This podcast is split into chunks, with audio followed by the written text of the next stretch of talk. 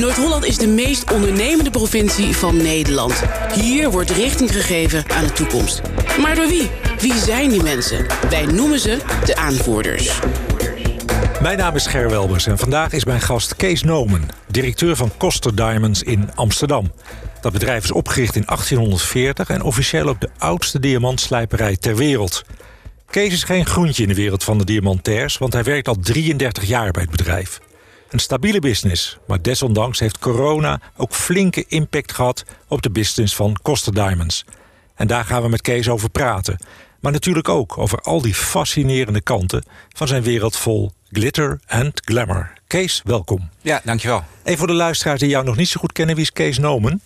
Ja, ik ben uh, ehm, 57 jaar, geboren in uh, Nieuwer Amstel. Tegenwoordig heet het Amstelveen. En uh, ik ben, oorspronkelijk ben ik, eh, ben ik jurist. Uh, ik heb de VU gestudeerd in Amsterdam. Eén jaar als fiscalist gewerkt. En toen ben ik in, in Costa Diamonds eigenlijk gerold door... Hè, de dingen lopen zo. En daar zit ik nog steeds. Hoe, hoe, gaat dat dan? Want dat vind ik wel spannend. Ja, ja nou goed. ik ken de, de familie. En nou ja, op een gegeven moment heb je contact met iemand. En dan, dan kom je daar binnen als trainee. En nou ja, dat is nu 33 jaar geleden. En nog steeds met heel veel plezier. Eigenlijk nog iedere dag. Ja. ja. En is Costa Diamonds, is dat alleen diamanten? Of is dat veel meer dan, dan diamanten? Nou ja, kijk, oorspronkelijk Kijk, wij, wij waren altijd, uh, als je helemaal naar onze geschiedenis kijkt... wij waren eigenlijk een slijperij. Er werd geslepen hè, en dus er werd, ge, werd gefabriceerd. Nou ja, op een gegeven moment is het allemaal weggetrokken eigenlijk naar lage lonenlanden. Hè. En in de zestiger jaren, eigenlijk door de toenmalige directie... waren toen uh, vijf, uh, eigenlijk vier Joodse mannen en één gooi, zoals dat heet dan. Dat is ook de enige die overgebleven is eigenlijk... Ja. Uh, tot, in de, tot, zeg maar, tot 2013. En uh, zeg maar in de begin 60 jaren werd, werd, de slijperij omgevormd eigenlijk tot, tot een showroom-achtig idee. Dus we lieten zien hoe we de slijpen. Toen kwamen de eerste Amerikanen eigenlijk naar Nederland in die 60 jaren. Nou ja, toen kwamen andere landen. En dat werd eigenlijk zo'n succes dat het, eigenlijk het slijpen is, is ondergeschikt geraakt aan het eigenlijk laten zien van diamanten. En uiteindelijk kopen. Dus we zijn ook eigenlijk omgevormd van een productiebedrijf naar een, uh, naar, eigenlijk naar een retailer. Ja, wat hoe groot is Costa Diamonds? Hoeveel mensen werken er? Uh, als je kijkt naar Amsterdam, op de loonlijst hebben we nu zeg maar in Amsterdam, locatie Amsterdam, uh, 120 mensen. Uh, daarnaast uh, hebben we een vestiging in, in Roermond, in, in, de, in de shopping outlet. we hebben locatie gehad, moet ik zeggen, in, op de Zaanschans, in, in Londen en in Parijs. Uh, maar tegenwoordig zit het alleen maar op het Museumplein. En uh, daar hebben we net 120 mensen op dit moment. Ja, je zegt we hebben andere vestigingen ook gehad. Ja. Hè, Zaanse Schand. Uh, waarom ben je daarmee gestopt? Uh, nou ja, kijk, diamant is natuurlijk heel waardevol. En uh, het probleem is dat het ook makkelijk gepikt kan worden. Ja, ben je er niet bij, dan is het soms heel link. Uh, kijk, als je een winkel met tasjes hebt, kan, ook een, kan je een dure tas stelen. Maar een diamant kan je soms echt hele dure dingen stelen. Dus, en als je er niet bij bent, dan, dan is het heel lastig om dat te controleren. Dus we hebben zowel in Londen als in Parijs gezien... op het moment dat je niet bij bent, er wordt een keer wat, wat gestolen... of gejat door het personeel, dan, ja, dan ben je eigenlijk voor, ben je voor niks aan het werk. Mm -hmm. dus dat is, dat is heel lastig. Dan moet je echt heel veel beveiliging hebben, goede mensen hebben. Je hebt natuurlijk altijd, uh, hebben Roermond, hebben ook al drie keer iets uh, meegemaakt. En ja, je, moet, je moet continu moet je oppassen. En dat is vervelend met ons vak. Ja, wat is jullie afzetmarkt? Is die dan alleen de, de, de bezoekers aan het Museumplein? Of heb je ook andere Ja, we zijn een retailer, dus wij verkopen ja. aan mensen die bij ons binnenkomen. Uh, nu zie je natuurlijk ook dat we heel actief zijn op internet. Veel meer dan we dat ooit vroeger waren. Maar uiteindelijk verkopen wij aan, over het algemeen aan buitenlanders. Uh, als ik het even puur over kosten heb. Uh, wij verkopen voor 95% aan, zeg maar aan buitenlanders. En dat zijn dus vaak toeristen of zakenmensen... of uh, mensen die wat voor reden ook in Nederland zijn. Uh, maar we zijn eigenlijk ja, van oorsprong eigenlijk sterk in uh, zeg maar niet-Nederlandstalige uh, ja, bezoekers van, van Amsterdam. Mm -hmm. Dat is ons. En daar, daarvan weer eigenlijk van die van zeg maar, wat wij verkopen is 70% aan Aziaten. En ik geloof 10% Amerika en de rest 20% de rest van de wereld. Oké, ja. Als we nog even de, de, de geschiedenis van de diamant erbij pakken. Waar komt diamant met name vandaan? Voorheen, uh, of in het verre verleden India met name, kan ik me herinneren? Ja, door, voor mij de oorspronkelijke diamant is ooit gevonden in India. En uh, ja, ik heb het nog even toch nagezocht. Ik moet zeggen, ik word natuurlijk dagelijks mee geconfronteerd. Maar ik heb nog even de lijstjes erop nagaan. Maar Rusland is volgens de, de laatste lijstjes, zoals ik het kan zien... is de grootste, zeg maar, mining land ter wereld. En daarna Botswana, Canada, Angola, Zuid-Afrika... Zuid-Afrika is eigenlijk wat de meeste mensen... die kennen natuurlijk, komt uit Zuid-Afrika. Ja. daar zitten ook, denk ik, de meeste en de grootste mijnen. Maar inmiddels heb je inderdaad, als je Rusland... je moet het maar eens googelen naar een diamantmijn... dan weet je niet wat je ziet hoe groot dat is. Ik ben zelf ooit een keer in een diamantmijn geweest. de Big Hole in Kimberley in Zuid-Afrika. En dan ga je met een lift, ik geloof voor acht minuten naar beneden... Dan ben je onder de grond en dan zie je vrachtwagens... die zijn zo verschrikkelijk groot... en uh, dan heb je geen notie van hoe groot die zijn. Die acht kilometer onder de grond? Ja. Je, ja. Nee, niet, nee, acht minuten ga je met de oh, lift naar beneden... en dan zit je, ik voor mij twee of drie kilometer onder de grond. Ja. En dan, uh, ja, dan wordt daar zeg maar, gewoon rotsen worden daar opgeblazen. En dat, dat wordt dan weer naar boven gebracht. En dan wordt dan, uiteindelijk moet dat dan helemaal fijn gemalen worden. En dan uiteindelijk blijft die diamant, uh, als je dat als je ziet hoe dat gaat, blijft dan aan een soort uh, strip blijft dat vastzitten. dat, al dat gaan ze vermalen. En dat komt er dan uit. Dus je moet heel veel uh, ja, rotsen eigenlijk ophalen... om een heel klein beetje diamant uh, zeg maar, te, te kunnen vinden. Mm -hmm.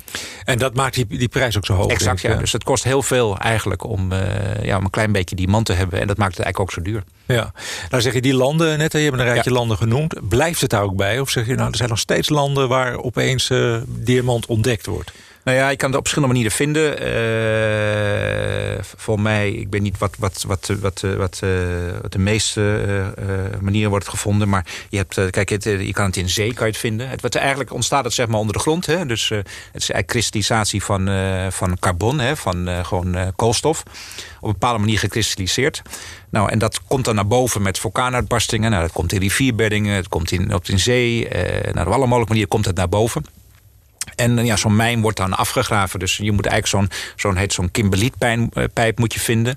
En uh, daar zit het dan in. Maar goed, dat slijt ook weer door erosie of verwering. En dat komt dan weer in rivierbeddingen terecht. Dus je ziet wel eens van die foto's van die mensen met zo'n zee staan. Ja, ja. En dat is ook met diamant. Ik geloof ik niet meer dat dat is. dan, maar Sorry? Het, ik dacht dat ze dan nou, dat is een beetje dezelfde manier. Maar ook diamant. Maar uh, ik, ik geloof niet meer dat het op die manier gaat. Uh, want je moet echt... Uh, maar dat is misschien de vierbeddingen nog wel. Maar zeg maar, die grote diamantmijn is gewoon, zit echt in de rotsen. Ja. En dat wordt verpulverd. Hoeveel kilo praat je over per jaar wat er wordt uh, gewonnen? Ik, ik weet het niet. Ik weet die aantallen niet uit mijn hoofd. Uh, maar je hebt het over... Uh, je bedoelt aan, aan diamant of ja, aan diamant, waarde? Ja, ja goed, het, het, je hebt het over miljarden zeg maar, aan waarde. En mm -hmm. kilo rots en, en, en, kilo's karaat. Want het over karaten weet ik niet uit mijn hoofd. nee, dat weet ik zo niet. Mm -hmm.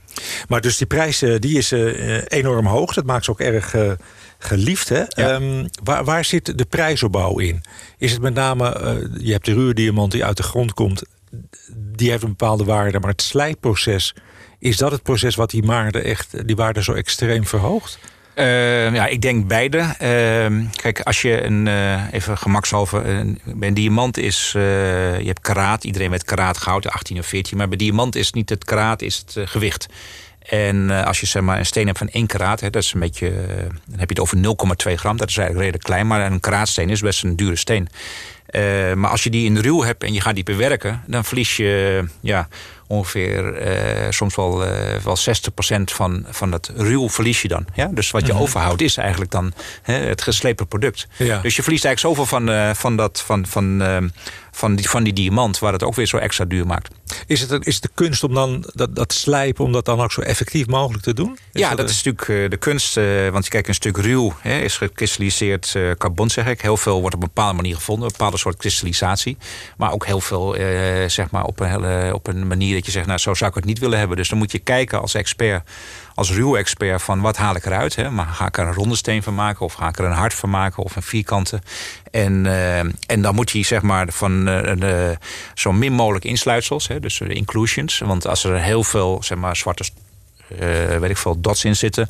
Dat maakt de waarde weer minder. Dus je wil eigenlijk een zo groot mogelijk steen. Uh, de kleur kan je eigenlijk niks meer aan doen, want die kleur die, die is het op een gegeven moment. Met zo min mogelijk insluitsels. Mm -hmm. En dat is, dat is de kunst. En tegenwoordig gaat het met, uh, bij computer. Dus je legt hem op een schaaltje en die computer die ziet die steen zo. En die zegt, nou dan moet je dat en dat van maken. Geweldig. Ja. ja. ja. Nou is het ook zo dat, uh, las ik ook iets over... dat er in laboratoria inmiddels ook uh, diamanten worden gemaakt. Ja. Kan dat wel? Want het is toch een natuurproduct? Uh, nou ja, dat is de grote discussie natuurlijk nu. Want het is, het is wel diamant, hè, want het is nog steeds koolstof. Het is ook op die bepaalde manier gekristalliseerd. Maar het is geen natural diamond. Het, is dus niet, het komt niet uit de natuur. Dus het komt uit een ja, laboratorium. Sommigen zeggen ja, het is fake. Ja, het is geen fake, want het is wel diamant. Zie jij het verschil als je twee stenen naast elkaar Nee, je, je hebt daar apparatuur voor nodig. Die was heel duur, maar die is nog steeds uh, volgens mij 10.000 euro's. En, uh, dus het gaat, dan moet je de lichtbreking moet dan, uh, wordt, dat, wordt dat gemeten.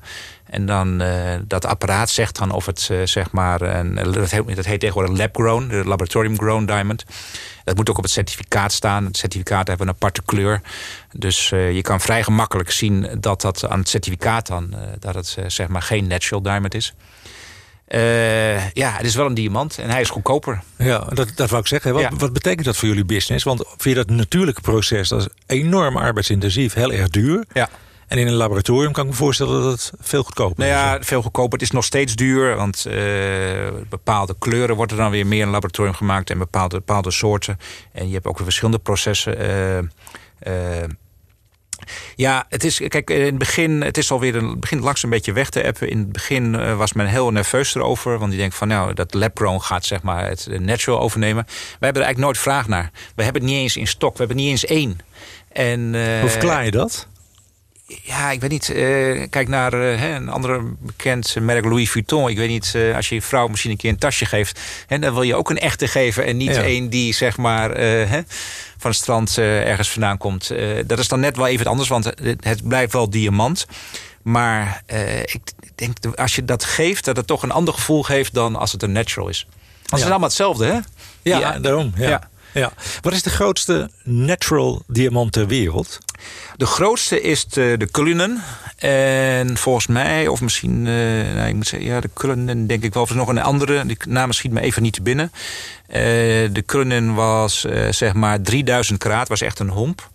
En die is geslepen voor mij in negen stukken. En de grootste zit eigenlijk in de scepter van de koning van Engeland. Mm -hmm. er is nog één grotere, ik kom even niet op de naam. Maar voor mij die, die, de, de Cullinan, zeg maar, de Rough Cullinan, die, uh, dat was de grootste die ooggevonden is. Een stuk van 3000 karaat.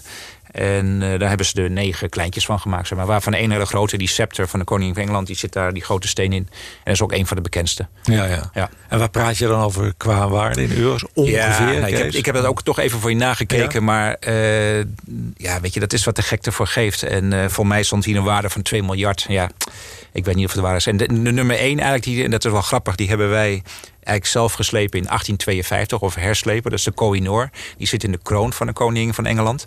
En daar staat niet eens een waarde bij. Het is natuurlijk onverkoopbaar. De koning van Engeland zal het nooit verkopen. Dat is, uh, als je die kroon neemt en daar precies die centerstone... En die is niet eens zo groot, die steen. Die is van iets van 100 uh, plus karaat. Maar die hebben wij herslepen in 1852. Uh, kost er al. En... Het was eigenlijk gewoon een ruwe steen uit, uh, uit India. Nou, dat is een beetje, een beetje geblokt, maar dat leefde niet. En toen is, uh, is dat uh, zeg maar met, met heel mooie facetten toen destijds geslepen. En het zit nog steeds in de, in de kroon of de, in de, in de, in de, de kroon van de koning van Engeland. Zijn diamanten dan ook een hele goede belegging eigenlijk, als je dit zo zegt? Want ik kan me voorstellen dat in 1852 ja. die waarde nog niet zo hoog was. Nee, nee. Nou ja, dat is ook weer een heel, heel moeilijk punt. Uh, is het een belegging? Kijk, eigenlijk is het geen belegging, want op het moment dat je het kwijt wil raken... het is niet als goud. Hè. Je, kijkt, je, je toetst de, de, koers van goud in en je ziet... ik heb een kilo goud, is nou zoveel waard. Diamant is geen vrije markt. Hè. Dus het is daar ook weer vraag en aanbod. En... Uh, maar uh, diamant is wel klein. Hè? Het heeft veel waarde. Je kan het meenemen. Heel veel Joden bijvoorbeeld in de Tweede Wereldoorlog hebben een leven te danken aan diamant. Ja? ja? En je ziet dat mensen, zeker ook in, in die dit of een manier hebben meegemaakt in familie, die hebben, vluchtzakjes, heet dat. Ik heb er nooit van gehoord. Maar die hebben een partij diamant van wat is wat gebeurt. Hè, dan neem ik dat mee en dan ga ik, uh, dan ga ik weg en dan heb ik een stukje waarde bij me.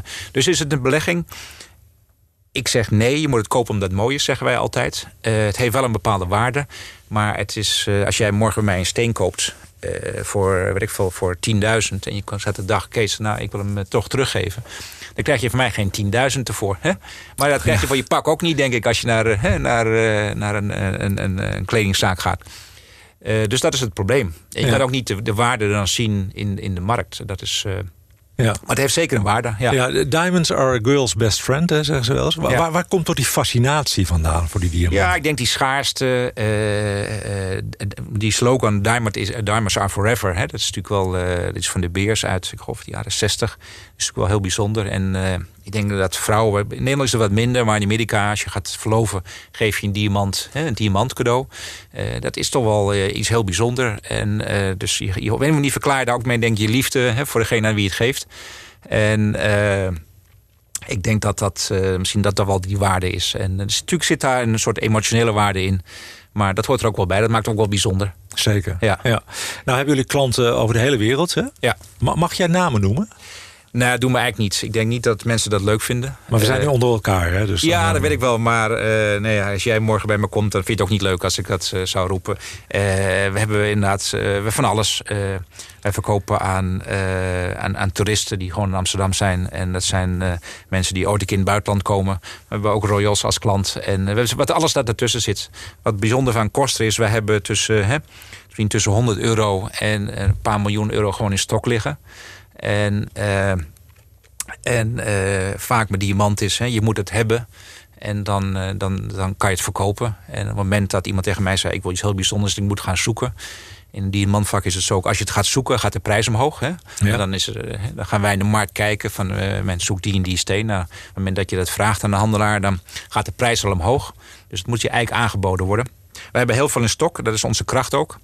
En en men weet dat. En, uh, maar we hebben klanten over de hele wereld, van links naar rechts. Uh, we hebben laatst een hele bekende meneer, ik geloof een, een, een, een 20 karaat, 23 karaat verkocht uit, uh, uit, uit Burma.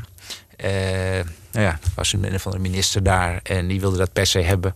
En maar ja, dat is wel heel erg groot. Maar normaal gesproken, zeg maar, tussen de 0 en 5 karaat, dat komt regelmatig voor. Mm -hmm. uh, moet ik zeggen, eigenlijk pre-corona, hè, want we hebben nu een heel andere situatie. Ja, uh, daar wil ik het ook met je over hebben, inderdaad. Want, ja. want corona, jullie krijgen veel mensen over de vloer, kregen veel mensen over de vloer in Amsterdam in de retailfunctie. Ja. Uh, maar dat verkeer is helemaal stil komen te liggen, of voor een groot deel. Ja. Hoe heeft dat jullie business geraakt? Ja, ik moet zeggen, we zitten zwaar weer is een groot woord, maar eh, we maken ons wel ernstige zorgen. Want ja, wij draaien nu al eigenlijk sinds... Uh, we zijn vijf en een halve week dicht geweest. Dus vanaf 16 maart was dat. Hè. Iedereen was doodsbang. De mensen wilden niet meer. De klanten wilden niet meer. We zijn vijf en een halve week dicht geweest. Eind april zijn we weer open gegaan. We zijn nu open, maar ja, we zitten op... Zeg maar 7% van normaal, min 93% al uh, twee, drie maanden. Dus dat is heel heftig. Mm -hmm. Hoe gaan jullie daarmee om? Uh, nou ja, gelukkig uh, kunnen we nu gebruik maken van de NOW-regeling. Nu NOW 2 net. Uh, nou ja, dat loopt tot en met september. En dan, ja, ik moet zeggen, ieder hoop ik dat er een, dat er een vaccin is. zolang dat er niet is, hebben we gewoon een groot probleem. En dan kan het heel lang gaan duren. Ja, hoe ga je ermee om? Zou op een gegeven moment moeten reorganiseren. Tijdelijke contracten verlengen we niet ja, op alle mogelijke manieren zou je kosten moeten snijden. Ja, en dan zitten jullie ook nog in een stad die niet, niet bekend staat om uh, ja, allerlei marketing. je weet wat ik wil zeggen. Ja. Je krijgt af en toe wel het idee dat, dat internationale gasten niet echt meer welkom zijn. Ja, nee, duidelijk. Ja. Ja. Ja. dat is heel vervelend. Uh, ja, ik moet zeggen, het, uh, ik zit zelf ook in de, in de gemeentepolitiek, maar in Amstelveen. En daar ja, er waait een hele andere wind. Want wij willen eigenlijk zoveel mogelijk bezoekers. Maar Amsterdam maakt men, ja, zoals ik het zie, een beetje misbruik van de situatie. Uh, een, een, kleine minderheid is mijn eigen inschatting. Die ik vind wel fijn dat het rustig is. Maar ik denk men niet genoeg realiseert hoeveel bedrijven en hoe, hoe ook de stad Amsterdam afhankelijk is van het toerisme. Hè? Want als je vroeger kijkt, hè, zeg maar, onze jeugd nog, hoe eigenlijk uh, verpauperd Amsterdam was. En hoe mooi het nu is. Dat is ook allemaal gekomen natuurlijk dat er uh, geïnvesteerd is. Hè, door, door vastgoedboeren, maar door, door iedereen heeft geld geïnvesteerd in die stad. Ook de gemeente. Die stad is heel mooi geworden. Ja, dat, heeft, uh, dat, heeft, uh, dat hebben we voordeel van gehad. Maar het heeft ook een prijs dat je inderdaad overlast hebt. Ik vind uh, zelf altijd, als ik door, nu door Amsterdam rijd... en ik zie op iedere hoek van de straat zie ik afval liggen. En denk ik, ga eerst eens, hè, first thing first. Je kan niet eens het afval opruimen. En ja, ze maken een beetje politiek gewin van nu de situatie... door minder bezoekers, maar... Van mij kunnen we niet zonder minder bezoekers. Want die betalen, ja, betalen natuurlijk, die geven veel uit. Er wordt veel belasting daarvoor betaald. Dus dat gaat heel erg pijn doen. Ja, Of Den Haag moet, moet betalen, maar uh, dat, dat, zie ik ook niet zo snel gebeuren. En dat hoop ik ook niet. Laat mhm. Amsterdam zelf maar hun broek ophouden. Maar goed, dat heeft een prijs. Ja, en als je op de gracht woont, kan het ook lastig zijn. Ja, aan de andere kant denk ik dat jullie uh, doelgroep met name toch die groep is van toeristen die je wel heel graag in Amsterdam zou willen. Ja, kijk, maar je kan het niet van tevoren, uh, volgens mij aan de poort kan je dat schiften. Hè? ik heb zelf wel eens flinke bonje met Eberhard van der Laan over gehad. Die mij een keer, ik weet niet of je daarbij was, uh, toen in de Amstwoning uh, bijna neersabelde. En dat was eigenlijk de dag, ik weet het nog als van de dag van vandaag, dat was de dag nadat uh, zeg maar Trump werd gekozen. En toen had ik zelf gezegd van zet de nachtwacht in Amsterdam-Noord neer. En uh, nou ja, toen ging ook de discussie al over natuurlijk toeristen. Waarom, waarom zei je dat? Zet hem in Noord neer? Nou, dan, heb je wat meer spreiding. Ah, die niet. Ja, ja, Want nu komt alles geconcentreerd op Museumplein. Maar als je het meer spreidt, dan, uh, dan trekken mensen ook naar Amsterdam-Noord toe. En nu is Amsterdam-Noord sowieso alweer een beetje hot aan het worden. Maar ook door dit soort dingen, als je het op andere locaties neerzet... dan heb je misschien kans dat mensen daar naartoe trekken. Maar Eberhard vond dat heel vervelend. En, uh, maar goed, dat de publiciteit zocht enzovoort. Maar goed, ja, dit, deze discussie loopt heel lang. En uh, het is jammer dat het zo moet. Maar wij zijn er inderdaad afhankelijk van. Maar ik denk dat, ja, als je de krant leest, bijna iedereen afhankelijk is. Want ja. zelfs de kleinste, uh, kleinste zaak, hè, of wat voor straatje dan ook... die heeft tegenwoordig denk ik al de helft aan omzet van buitenlanders. Hè? Restaurants, mm -hmm. ga zo maar door. Ja, en dat heeft een prijs. Uh, hoe keken jullie tegen de ontwikkeling aan net voor de coronacrisis? Je hebben heel veel mensen die zeggen... nou, 2020 zou het beste jaar ooit worden in onze historie. Ja. Was dat voor jullie ook zo? Ja, januari begon heel goed. En bij ons is soms afhankelijk van Chinees nieuwjaar, weet dat valt. Uh, dat viel volgens mij uh, eind januari. Het loopt dan door dat uh, begin februari. We hadden echt ja, een, een droomstart. ik moet zeggen, het getal 2020 voelde goed. Alles voelde ja. goed. Uh, maar ik kreeg op 21 januari al een appje van een collega. Die was in Vicenza op een uh, juwelenbeurs. En die zegt, Kees, alle Chinezen hebben het over een virus in China. Weet jij er iets van? Ik zeg, nee Don, ik weet er niks van. Dat was 21 januari. En ja, een maand later hebben we natuurlijk gezien wat er gebeurd is. Ja, en uh, nu zijn we een paar maanden verder. Dat, toen waren er dan signalen. Maar ja, iedereen dacht van, zelfs de RIVM zei van... Hè, ja, dat, ja. Is, uh, dat valt wel mee en het waard wel over enzovoort. En dat dachten wij natuurlijk ook. We hebben natuurlijk SARS meegemaakt, 2013. En dat was ook heel heftig. Flinke omzetdaling. Maar ja, dat was na drie, vier maanden was dat weg. Ja. En uh, dit, uh, ja, dit is nog steeds niet weg. Nee. Nee, Kees, ik, ik hoop echt uh, uit de grond van mijn hart... dat, dat, dat er snel betere tijden voor jullie aankomen. Ehm, de tijd zit er alweer op. Oké, okay, dat is heel jammer. Ja, dat gaat altijd ontzettend hard. Ja. Um, nou is altijd mijn laatste vraag. Ja. Zijn er vragen die ik jou niet gesteld heb... maar wel had moeten stellen? ja, nou ja, even kijken... Misschien had je kunnen vragen wanneer ik zelf mijn laatste diamant gekocht heb. Want ik vind eigenlijk. Ja, dat, vind ik wel een leuke vraag. Ik vind eigenlijk dat ja, iedereen moet zeggen: ik ben zelf getrouwd met een Italiaanse. En ik heb van die Italianen geleerd dat je altijd uh, hout op het vuur moet gooien, anders dooft dat. Hè? Ja. En uh, dus ik probeer eigenlijk toch wel ieder jaar een diamant. En dat hoeft niet groot te zijn. Het kan ook klein zijn. En wat ik zelf vaak doe, hè, ik koop iets op een gegeven moment. En dan ieder jaar kan ik het weer inruilen. Toch een beetje het groeimariant idee. Dus uh, ik zou het ook de, de, luisteraars willen oproepen van hè, probeer iedere keer, zeker je relatie, hout op vuur te gooien. Hoeft niet alle diamanten te zijn, mag ook iets anders zijn of een juweel. Ja. Ik doe, probeer het zelf wel ieder jaar te doen. En, wat, en de laatste die je gekocht hebt? Dat was volgens mij voor haar verjaardag in februari. Ja. ja. ja. Maar het gaat niet om de grootte. Het gaat nee, om hoor, uh, maar dat, snap ik wel. dat, dat, je iets geeft. Een diamant is... Uh, heel veel Nederlandse mannen zeggen... ja, mijn vrouw houdt er niet van, enzovoort. Volgens mij houdt iedere vrouw daarvan. En soms komen ze niet vooruit. En het is natuurlijk niet goedkoop. Maar je kan ook klein beginnen. Ja. Ik vind het een hele mooie afsluiting. Oké, okay, dankjewel. Dankjewel voor de komst. Ja, dank je. Leuk was Dit was De Aanvoerders. Een podcastserie van NH Media.